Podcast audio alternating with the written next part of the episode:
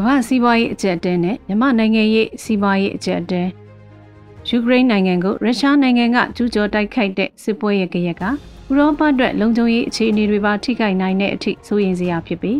ကမ္ဘာအတွက်တော့စီးပွားရေးတန်တမာရေးကုန်သွယ်ရေးအကျိုးဆက်တွေရိုက်ခတ်လာစေမှာဖြစ်ပါတယ်။စစ်ပွဲဖြစ်တဲ့ဆိုတာနဲ့ရပိုင်းအတွင်းကမ္ဘာရေနံဈေးကချက်ချင်းကိုမြင့်တက်သွားပြီးရေနံများပြားထုတ်လုပ်တဲ့နိုင်ငံတွေကလွဲလို့နိုင်ငံတိုင်းလူလူမှာအကျိုးဆက်ကိုခံစားနေကြရပါပြီ။ မြန်မာနိုင်ငံအဖို့ဆိုရင်လည်းယူကရိန်းစစ်ပွဲစတင်တာသတင်းတစ်ပတ်ပြေလာချိန်မှာအဲ့ဒီမတိုင်ခင်ကဓာတ်ဆီဒီဇယ်စီဈေးနှုန်းထက်1လီတာကျပ်300ကျော်တခါလည်းမှာကျပ်1400နီးပါးမြင့်တက်ခဲ့ပါတယ်။သတင်းမီဒီယာတွေမှာဖော်ပြတဲ့ဈေးနှုန်းတွေကရန်ကုန်မှာရောင်းချတဲ့ဈေးနှုန်းတွေဖြစ်ပြီးနေမြို့တွေဖို့ဝင်းရင်ဝေးသလောက်1လီတာကိုကျပ်100ကနေ200လောက်ထိထပ်မြင့်သွားသလိုနေမြေလုံးကျုံရေးအရကုန်စီပို့ဆောင်ရခက်ခဲတဲ့ဒေသတွေဓာမြင့်ခံထားရတဲ့ဒေသတွေမှာ ဈေးနှုန်းကတစားခွဲကနေနှစ်ဆနီးပါးလောက်ထိမြင့်တက်နေတာဖြစ်ပါတယ်။ပြည်တွင်းမှာဥရောပစစ်ပွဲကရဲ့လောင်စာဆီဈေးနှုန်းမြင့်တက်တဲ့တဲ့ရင်ဟာခုရက်ပိုင်းတွေမှာထိတ်တန့်တဲ့ဖြစ်နေပါတယ်။လောင်စာဆီဈေးမြင့်တက်တာဟာလူတိုင်းနဲ့သက်ဆိုင်နေတာကြောင့်စားဝတ်နေရေးနဲ့ဓာတ်ရိုက်သက်ဆိုင်နေတာကြောင့်လောင်စာဆီဈေးကိုစိတ်ဝင်စားစောင့်ကြည့်နားထောင်နေကြရတာဖြစ်ပါတယ်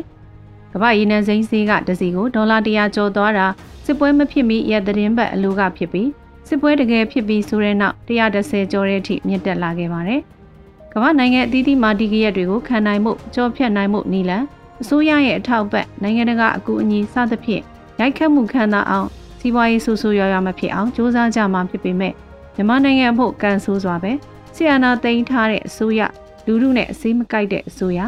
နိုင်ငံတကာကစီးပွားရေးပိတ်ဆို့မှုတချို့နဲ့ကူညီတွေကိုရပ်ဆိုင်းထားတဲ့အချိန် လက်နက်ကိုင်တိုက်ပွဲတွေကဒေသအများပြားမှာဖြစ်ပွားနေချိန်နဲ့တိုက်ဆိုင်တာကြောင့်မြန်မာနိုင်ငံအနေနဲ့နိုင်ငံရေးပြဿနာနဲ့စီးပွားရေးကြာဆင်းမှုတိကျတိတိကျကျပြောရရင်စီးပွားရေးပြိုလဲမှုမျိုးအထီတောင်ဖြစ်ပွားနိုင်ခြင်းရှိတာပါမြမအရေးကနိုင်ငံတကာမှာစိတ်ဝင်စားမှုရောကျလာနိုင်ပြီးကုလသမဂ္ဂနဲ့မြမအရေးမှာလူအခွင့်အရေးနဲ့လူသားချင်းစာနာမှုရှုထောင့်ကရက်ခံပေးကြတယ်။နောက်ဥရောပနိုင်ငံတွေအများစုဟာ ယူကရိန်းစစ်ပွဲရဲ့အကျိုးဆက်သက်ရောက်မှုတွေအတွက်ပြင်ဆင်နေကြရအားထုတ်နေကြရမယ့်အခြေအနေဖြစ်တာကြောင့်ခုရေးခင်းမတိုင်ခင်ကလိုအင်တိုက်အားတိုက်ကူညီနိုင်ကြပါမလားဆိုတဲ့ဆိုရမှုလည်းရှိနေတာဖြစ်ပါတယ်။မြန်မာနိုင်ငံမှာလက်ရှိရင်ဆိုင်နေရတဲ့ကုန်စည်နှုန်းကြီးမြင့်မှုလောက်ကန်ရှားပါမှုတွေကိုရင်ဆိုင်ကြောပြတ်ဖို့အတွက်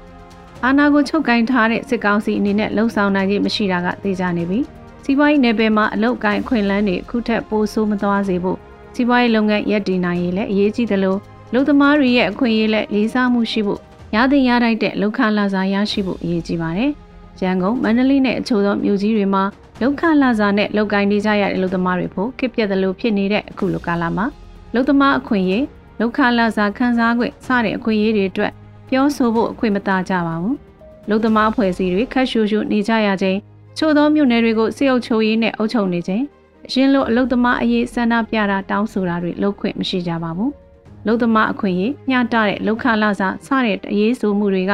ခုလိုချိန်ကာလမှာတောင်းဆိုခွင့်မသားကြတဲ့အခြေအနေမျိုးလည်းဖြစ်နေပါတယ်။ဒီလိုအခြေအနေတွေကအိန္ဒိချင်းနိုင်ငံမှာရွှေ့ပြောင်းလုပ်သားလို့ခေါ်တဲ့လောက်ခစာအလုပ်သမားဖြစ်သွားရောက်လုပ်ကိုင်းဖို့အခြေအနေကိုတွန်းပို့သလိုဖြစ်ပေါ်စေပြီးနေဆက်ကနေတရားမဝင်ဝင်ရောက်ဖို့ပွဲစားတွေကိုငွေကြေးသိန်း10ကနန်းနဲ့ချီပြီးသွားရောက်နေကြရပါတယ်။ခုလိုအလုပ်သမားတွေဘေးကျက်နန်းကျက်အခြေအနေမျိုးရင်ဆိုင်နေရချိန်မှာ စိုင်းပြိုးရေးလုပ်ကိုင်းကြတဲ့တောင်သူလယ်သမားတွေဖို့လည်းအခက်အခဲမျိုးစုံနဲ့ရင်ဆိုင်နေကြရတာဖြစ်ပါတယ်။နေမြင့်မတည်ငြိမ်တာကြောင့်စိုင်းပြိုးရေးတွေကောင်းကောင်းမလုပ်နိုင်တာရှိသလိုစိုက်ပျိုးလို့ထွက်ရှိလာတဲ့စိုက်ပျိုးရေးထွက်ကုန်ပစ္စည်းတွေကိုလည်းကိုဗစ်မတိုင်ခင်ပုံမှန်အခြေအနေလို့နေဆက်ကုန်သွယ်ရေးကနေတရုတ်နိုင်ငံကိုတင်ပို့တာမျိုးတွေမရှိတာ